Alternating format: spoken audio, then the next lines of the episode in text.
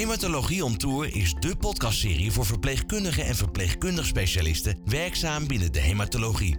Kim Messelink en Bert Gravals gaan in gesprek met experts en ervaringsdeskundigen over thema's belangrijk in de zorg voor de hematologische patiënt. De onderwerpen die aan bod komen zijn onder andere palliatieve zorg, ambulante stamceltransplantaties, seksualiteit en vruchtbaarheid, late effecten en de zorg voor ouders met kanker. Welkom bij Hematologie on Tour, de podcast voor verpleegkundigen en verpleegkundig specialisten. Hoi Kim. Hoi Bert. Het onderwerp van vandaag is ambulante zorg na stamceltransplantatie. Hiervoor gaan we naar het Sint-Antonius ziekenhuis in Nieuwegein. En daar spreken we met Hans van der Woude, verpleegkundig specialist eh, hematologie. Dag Hans. Goedemorgen.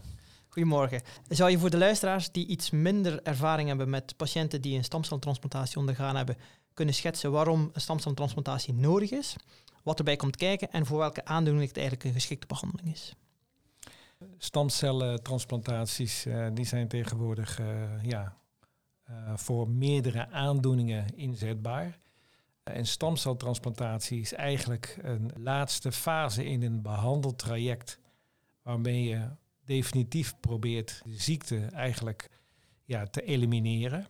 Wat uh, belangrijk natuurlijk is, wat ik al zei, voor verschillende uh, ziektebeelden geldt. En uh, voor de hematologie geldt het met name dan voor de multiple myelomen, oftewel de ziekte van Kaler. Je ziet het bij lymfomen, maar dan vaak mensen die al een eerdere behandeling hebben gehad en vervolgens een recidief hebben gehad. En verder heb je natuurlijk dat het een behandeling is bij alle voorkomende leukemieën. En voor de leukemieën moet je dan nog even een onderscheid maken over een autoloog, de stamcellen van jezelf, of van een donor, de allogeen. In het Antonisch ziekenhuis waar ik werk doen we alleen uh, transplantaties van stamcellen van iemand zelf, dus alleen autoloog. De behandeling is eigenlijk erop gericht, wat ik al zei, om de ziekte definitief eigenlijk te elimineren. Maar dat kan je alleen als je van tevoren bij die patiënt een soort rescue op ingebouwd. En dat betekent dus dat van tevoren stamcellen van die patiënten eruit worden gehaald. Dat noemen we eigenlijk een afarese techniek. Dus dat betekent als stamcellen bij een patiënt uit het bloed gehaald kunnen worden, kan je daarna zeg maar een extra behandeling geven waarbij je de ziekte hoopt helemaal uit te schakelen. Maar een groot nadeel daarbij is dat de behandeling ook zorgt met name aan zoveel schade van de stamcellen. En stamcellen heb je nu eenmaal nodig, hè, want die zijn uh, nodig voor de hele bloedvoorziening. Dat eigenlijk dan de patiënt niet meer zou kunnen herstellen. Maar omdat je stamcellen al in een eerder stadium eruit gehaald hebt en vervolgens na de behandeling weer terugplaatst, gaan die nieuwe stamcellen, die dan twee functies hebben, hè, zichzelf eerst in stand te houden, maar daarna ook weer uh, zullen uitrijpen tot alle andere bloedcellen die nodig zijn. Dus eigenlijk haal je die stamcellen uit om nog eigenlijk een behandeling te kunnen geven die anders niet uh, voorhanden was. En wat zijn dan zo de risico's uh, bij zo'n autologe stamceltransplantatie? Nou, op zich valt het natuurlijk wel mee en dat is een beetje gechargeerd, maar kijk, als je zelf donor bent, dan heb je nooit te maken met die afstotingsverschijnselen die je wel bij een allogene stamceltransplantatie hebt. Dus dat is eigenlijk het grote voordeel. Die stamcellen die vinden vanzelf hun weg weer terug en die gaan hun functie wel doen. Waar je wel mee te maken krijgt, dat is natuurlijk nog het effect van die chemo, die met name dan de aanwezige stamcellen in het beenmerg zover beschadigen dat die een tijdje natuurlijk geen goede, volwaardige bloedcellen meer kunnen aanmaken. En dan weten we natuurlijk allemaal van, kijk, rode bloedcellen, dat kunnen we altijd via een transfusie geven. Dat geldt ook voor bloedplaatjes. Maar met name je afweercellen, en dat zijn toch al cellen die het snelst worden afgebroken, kortste leven eigenlijk, zien we als die natuurlijk een tijdje niet worden aangemaakt, niet worden aangevuld, ja, dat dan de afweer eigenlijk volledig verdwijnt. Hè, dat zelfs vaak genoeg voorkomt dat je in het bloed echt geen ene cel meer kan terugvinden. En dan heb je dus een periode nodig van meestal een week, soms tot, tot tien dagen, voordat er weer van de stamcellen die je hebt teruggegeven, weer afweercellen in het bloed terug te vinden zijn. En als afweercellen pas weer in het bloed zitten, dan kunnen ze hun functie pas weer uitoefenen. En dat is een periode die je dus veilig door moet komen, want dan heb je natuurlijk de meeste kans op allerlei uh, soorten infecties.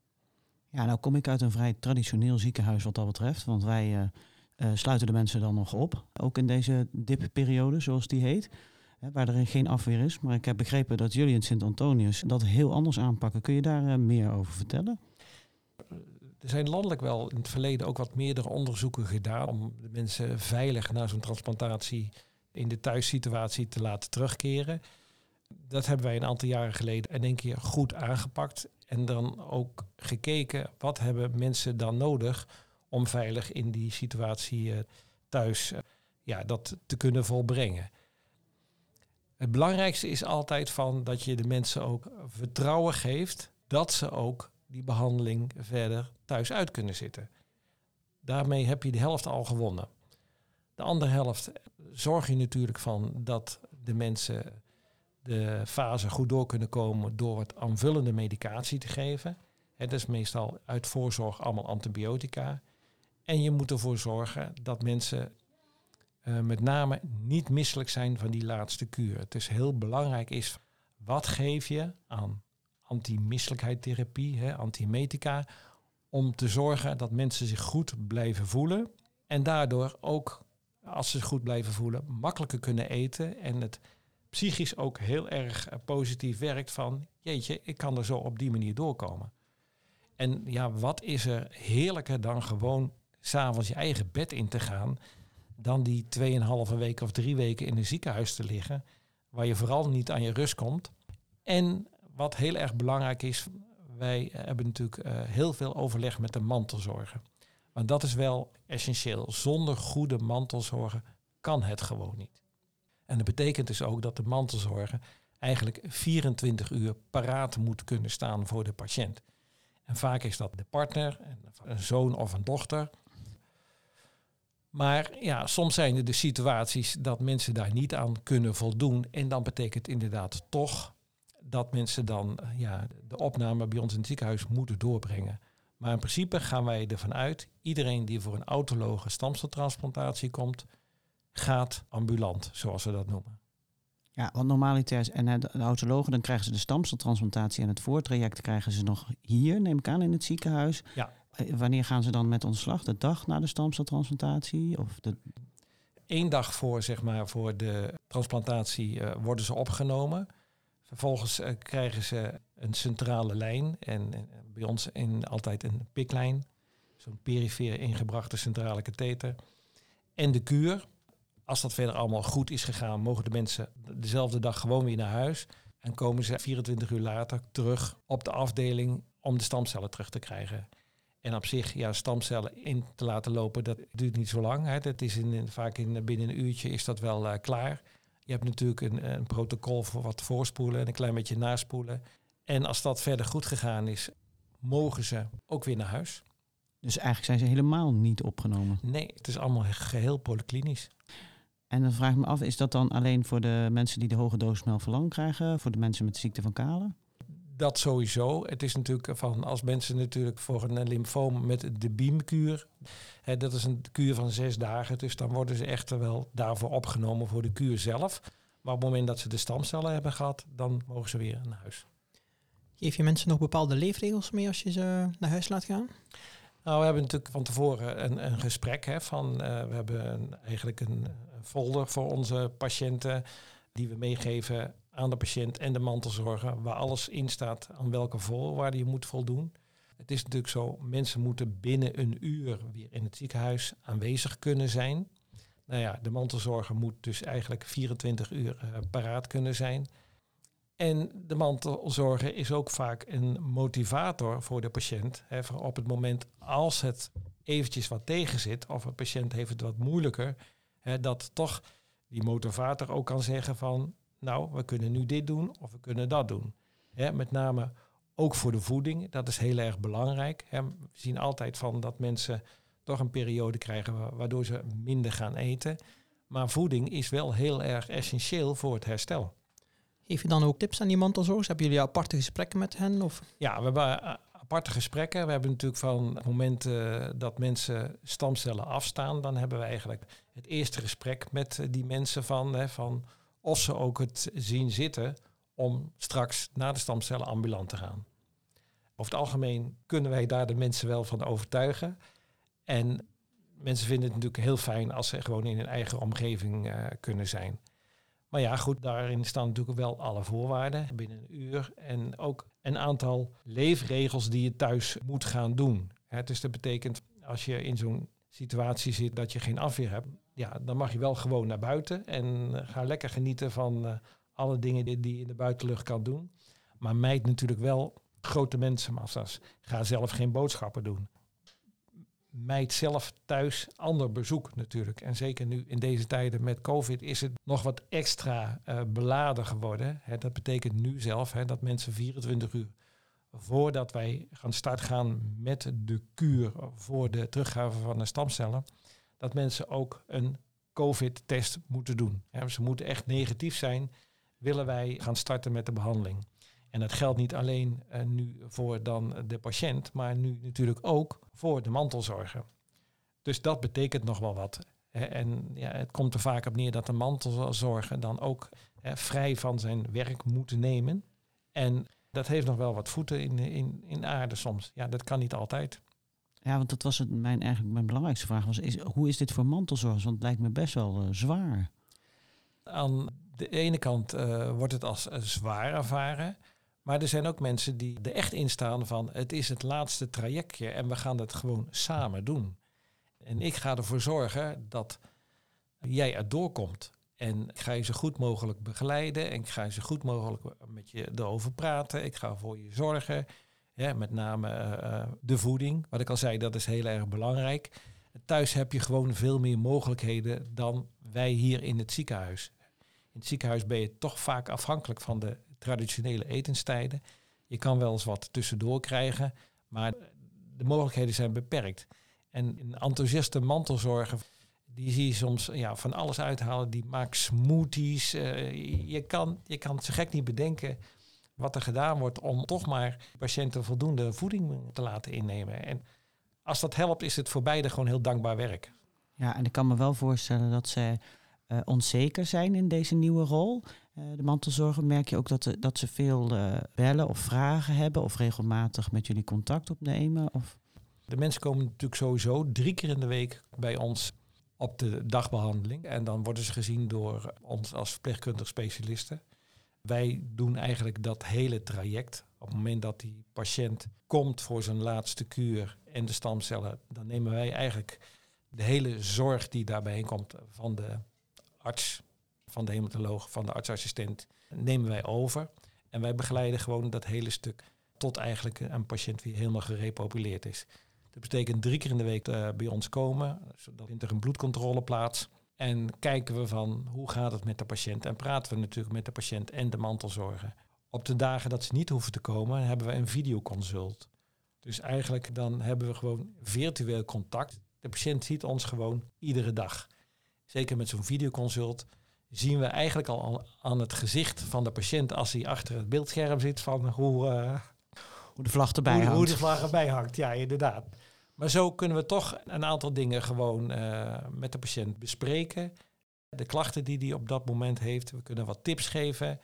En gewoon zeggen, nou goed, als het niet al te ernstig is, dan uh, zien we u de volgende dag weer. Behalve natuurlijk als mensen koorts krijgen. Koorts, en dat bedoelen we echt wel koorts en koude rillingen boven de 38,5. Dan is het altijd opname. Die opname is dan maakt niet uit wat voor tijd. Dat is gewoon 24 uur per dag. En dat ze even een belletje kunnen geven van ik heb koorts, ik ben niet lekker. De mantelzorger kan dan de patiënt rechtstreeks naar bij ons op de afdeling brengen. Gaat niet via de eerste hulp. Rechtstreeks bij ons. En wij hebben dan een protocol klaar liggen om dan effectief direct te gaan behandelen. Kan je iets zeggen over de succesrate, zeg maar? Hoeveel procent van de patiënten er na ontslag ook niet meer terug opgenomen moeten worden? Waarbij ik echt kan zeggen van dat thuistraject, uh, dat was eigenlijk helemaal prima voor deze patiënt. Er zit een verschil qua ziektebeeld in. Met name de, de multiple myeloompatiënten, dus, dus de ziekte van Kalen, is echt wel een succesverhaal. eh, dan echt van uh, ruim 80% van de mensen die ambulant gaat, zit ook daadwerkelijk gewoon ja, die periode thuis uit. Daar zijn we wel heel erg uh, blij om dat het op die manier kan lukken. Bij lymfoom, bij de biemkuren, zien we toch dat mensen ja, wat langer eigenlijk in die dipfase blijven zitten. meerdere kans hebben op slijmvliesontstekingen, op mucositis. En soms ook wat meer misselijk zijn. Terwijl dat bij, eigenlijk bij de multiple myeloompatiënten nauwelijks geen issue meer is. Want je zei net ook iets over hè, met die misselijkheid. Kun je iets vertellen over de protocol wat jullie hadden? Want dat vertelde je dat er veel met de anti-emetica. Ja, nou ja, wij hebben gezien van, uh, vanuit het verleden dat uh, we dachten van oké, op het moment dat mensen de stamcellen terugkrijgen, de eerste dagen is er nog geen dipperiode. Dus dat moet best allemaal thuis gaan. Dan voelen de mensen zich nog goed. Maar het tegendeel uh, bleek waar te zijn.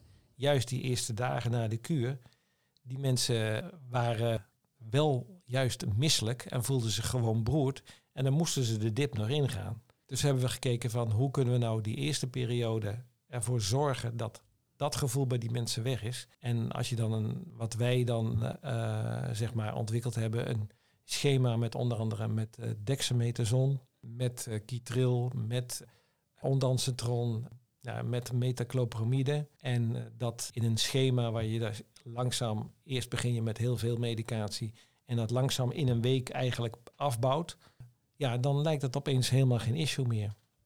En wat we weten natuurlijk, als mensen niet misselijk zijn, dan blijven ze ook nog eten. Nou, belangrijk is natuurlijk ook dat ze geen mucositis uh, krijgen, hè, met name in de mond natuurlijk. Dus alle uh, patiënten, zowel met een als een lymfoom, de stof melphalanins is, wordt de mond even behandeld met ijskrus. Hè. Dus de mensen moeten ruim van tevoren tot een kwartier daarna moeten ze ruim ijs eten. En dat varieert van allerlei soorten ijslollies tot het, uh, ijsgruis. Met name om te zorgen van, hè, dat die slijmvliezen in de mond helemaal dicht zitten, die kleine vaatjes. Zodat eigenlijk daar de chemo niet kan komen. Dus dat het uiteinde van die uh, slijmvliezen niet wordt beschadigd. En dat dus intact blijft. Dus als mensen niet misselijk zijn en ze houden intacte slijmvliezen, dan kunnen ze ook gewoon blijven eten. En dat is natuurlijk essentieel, want dat is de andere kant natuurlijk. Als mensen niet kunnen eten door een behoorlijke mucositis, ja, dan ontkom je ook niet aan een opname. En dat draagt bij aan die hoge succesrate in ieder geval, zeg je, bij de patiënten met multiple myeloom. Ja. En je merkt dat de mucositis bij de patiënten die BEAM krijgen, dus de lymfoompatiënten, daar hebben jullie de mucositis wat minder goed onder controle. Heb ik dat goed ja. begrepen? dan denk ik ongeveer dat 60% het uh, zonder uh, interventie eigenlijk thuis uithoudt. Ja, maar multiple myeloom liggen echt wel, uh, ja, is wel een succesverhaal om het zo maar te zeggen. En is het ook, zien jullie, hebben dat ook, ook onderzocht qua patiëntentevredenheid? Ja, het is natuurlijk een beetje lastig over, om over jezelf te zeggen natuurlijk, maar ja, de patiëntentevredenheid ligt heel erg hoog. Er zijn mensen die zijn gewoon echt zo dankbaar dat ze het op deze manier, dit laatste uh, traject mochten afleggen. En natuurlijk wordt het verschillend ervaren, hè, maar er zijn echt mensen die zeggen van ja, ik had het idee van de laatste fase van dan moet ik me zo ziek gaan voelen, maar dan ben ik klaar. En dan krijg je reactie van mensen om me heen van ja, maar jij hebt toch net je stamcellen terug, dus jij moet ziek zijn. En ik voel me eigenlijk fantastisch. we hebben zelfs een keer gehad van, eh, dat was ja, weer, alweer, anderhalf jaar geleden, dat een patiënt zelfs ambulant op de camping is geweest. en, hè, dat is een patiënt die, die vanuit uh, Limburg uh, bij ons getransplanteerd uh, zou worden. En zijn dochter woonde bij ons in Nieuwegein in de omgeving. En die heeft gewoon in, in Houten op een, op een camping gestaan. En de familie stond twee tenten verder er tegenover. En de campinghouder wilde daar meewerken. Die man kreeg een eigen toilet en dergelijke. En die zat lekker voor zijn tent, zag hij zijn dagen ja, uit. Dat is, ik zie een nieuw concept voor me. Camping stamceltransplantatie. Ja, ja, het is... Uh, je straks campingbaas. Dat is wel heel bijzonder. Uh, ja, die man heeft zelfs nog een, bij ons hier een lezing daarover gegeven van ja, hoe dit allemaal gegaan is. En het is zo belangrijk dat mensen gewoon in hun eigen omgeving kunnen herstellen. Dat uh, werkt ook zo positief. En Ja, maar goed, niet iedereen heeft de gelegenheid. Dat beseffen we ook wel. Kijk, en als je zit natuurlijk met een, met een jong gezin, maar wat kleine kinderen, dan is het allemaal vele, vele, vele malen lastiger. Ja. Ja, want zijn er inderdaad ook echt patiënten die zelf niet uh, deze vorm van behandeling willen? Ja, nou, het is natuurlijk een mensen. Kijk, als je natuurlijk eerst aangeeft hoe zit de gezinssituatie in elkaar. Hè, dus in het gezin iedereen werkt. Hè, of er zijn wat oudere kinderen die al werken. Die hebben natuurlijk ook allemaal hun contacten. En dat is natuurlijk zo. En met kleine kinderen van, uh, ja, die natuurlijk naar school gaan. Van uh, kinderen nemen nu uh, gauw wat allerlei infecties mee naar huis. En dan is het heel moeilijk om dan afstand van vader of moeder te houden natuurlijk. En ja, nu met die COVID natuurlijk helemaal. Dan moet ze, moeten mensen wel echt gemotiveerd zijn om dat te, te kunnen doen. Hè. We hebben wel eens gezin gehad van dat de kinderen zeg maar tijdelijk even bij een broer of zus een twee weken heeft gestald. Ja, dat moet je maar wel willen natuurlijk. Ja. Dus het, het, het is niet voor iedereen uh, ja, direct mogelijk. Dus, uh, Want het duurt ongeveer twee weken voordat je je weerstand terug hebt, begrijp ja. ik. Ja. ja, het duurt ongeveer twee weken. Meestal in de tweede week als zie je dat langzaam zeg maar de afweer begint op te klimmen. Kijk, in principe van rode bloedcellen en bloedplaatjes kan je altijd eventueel bijgeven. Maar in ieder geval uh, meestal na uh, 14 dagen, dan zie je dat niemand meer zeg maar, ook een transfusie nodig heeft. En als dan de afweercellen zeg maar, boven een bepaald minimum zijn gestegen, dan, dan kan je ze veilig zeg maar, weer ontslaan. En heb jij wel, want even terugkomend op die COVID-19, zie je dan bij mensen meer angst om hier aan mee te doen? Jazeker, het speelt wel mee. Van, uh, uh, we weten natuurlijk ook, hè, met name dat mensen die een stamceltransplantatie hebben gehad of bepaalde andere stoffen die in de voorbehandeling hebben gezeten, dat die ondanks alle vaccinaties toch een minimaal aantal antistoffen maar uh, hebben kunnen vormen. Dus dat is wel een groter risico. Ja, en ben je dan bereid Sam, zoveel dingen thuis aan te passen om het risico zo klein uh, mogelijk te houden. Kijk, de risico's in een ziekenhuis zijn natuurlijk ook niet helemaal uit te sluiten. Hè, van, Zeker niet. Nee. Uh, je hebt natuurlijk altijd met personeel te maken. Nou, we zien nu zelf ook hè, tijdens deze periode en veel meer een toename van ook personeel wat uh, te maken heeft met, met COVID, uitval en ziekte. Dus risico allebei de kanten. maar ja, je, je kan soms niet een behandeling gaan uitstellen. Dus je zou wel moeten. Ja, en dan uh, ja, probeer je natuurlijk uh, in overleg met de patiënt uh, te kijken van, nou, wat is haalbaar? En wat vindt dat de patiënt en de mandelzorger ook haalbaar is? En dat proberen we er gewoon ja, samen uit te komen. Ja, wat ik wel heel interessant vind is, je, je spreekt heel erg, dit is echt een, een traject waar de verpleegkundige specialist een grote rol in speelt. Of ja. heb ik dat, ja, vind je dat ook echt iets voor verpleegkundigen of verpleegkundige specialisten? Ja, kijk, het hoeft niet per se verpleegkundig specialisten te zijn. Maar met name de begeleiding. En dat is wel, vind ik, echt uh, voorgelegd aan, aan in ieder geval de verpleegkundigen of verpleegkundige specialisten. Of gespecialiseerd verpleegkundigen voor de hematologie of de oncologie. Want je hebt natuurlijk ook stamceltransplantaties uh, in de oncologie. Uh, met name dat begeleidingstraject van en daar ook echt tijd voor kunnen nemen. Hè, want dat is ook belangrijk. Het is niet zo dat je kan zeggen in een kwartiertje ben ik klaar van. Hè. Dat zijn soms gesprekken van, zeker in de voor, voorfase en uh, soms ook tussendoor, hè, dat je gewoon een uur met mensen zit te praten. En het moet je ook wel gegund worden, hè, en het, het moet gerealiseerd worden, gefaciliteerd worden, dat dat op die manier kan. Ja, en dat empoweren van die patiënt, hè, wat je er, en ook van de mantelzorger, dat is natuurlijk echt iets voor verpleegkundigen, zo zie ja. jij dat. Ja, ja, zeker. Ja. Dat is, ligt ook meer bij ons dan bij artsen. Bij artsen, ja, daarom. En naarmate je die zelf ook meer ervaring in krijgt, dan kan je ook veel beter, zeg maar, ja, een beetje invoelen wat patiënten kunnen gaan verwachten. En daarbij steeds je vertrouwen uitspreken van dit gaat er nu gebeuren, dit, kunt u verwachten, dat hoort daarbij. En het herstelt allemaal. En het is natuurlijk uh, bij artsen natuurlijk altijd van, uh, je hebt natuurlijk een aantal afdelingsartsen en die vaak toch altijd maar een korte periode eh, eh, een fase van een opleiding van op de hematologie dan zitten. En eh, ja, die missen gewoon dat stukje kennis ook van wat ze kunnen verwachten bij die patiëntencategorie. Ja. ja, verpleegkundigen hebben er gewoon meer ervaring mee. Hebben er veel meer ervaring mee, ja. Mooi, ja. Fijn ook om te horen dat dat echt iets voor verpleegkundigen is. Dankjewel. Ja. Dankjewel Hans. Graag gedaan.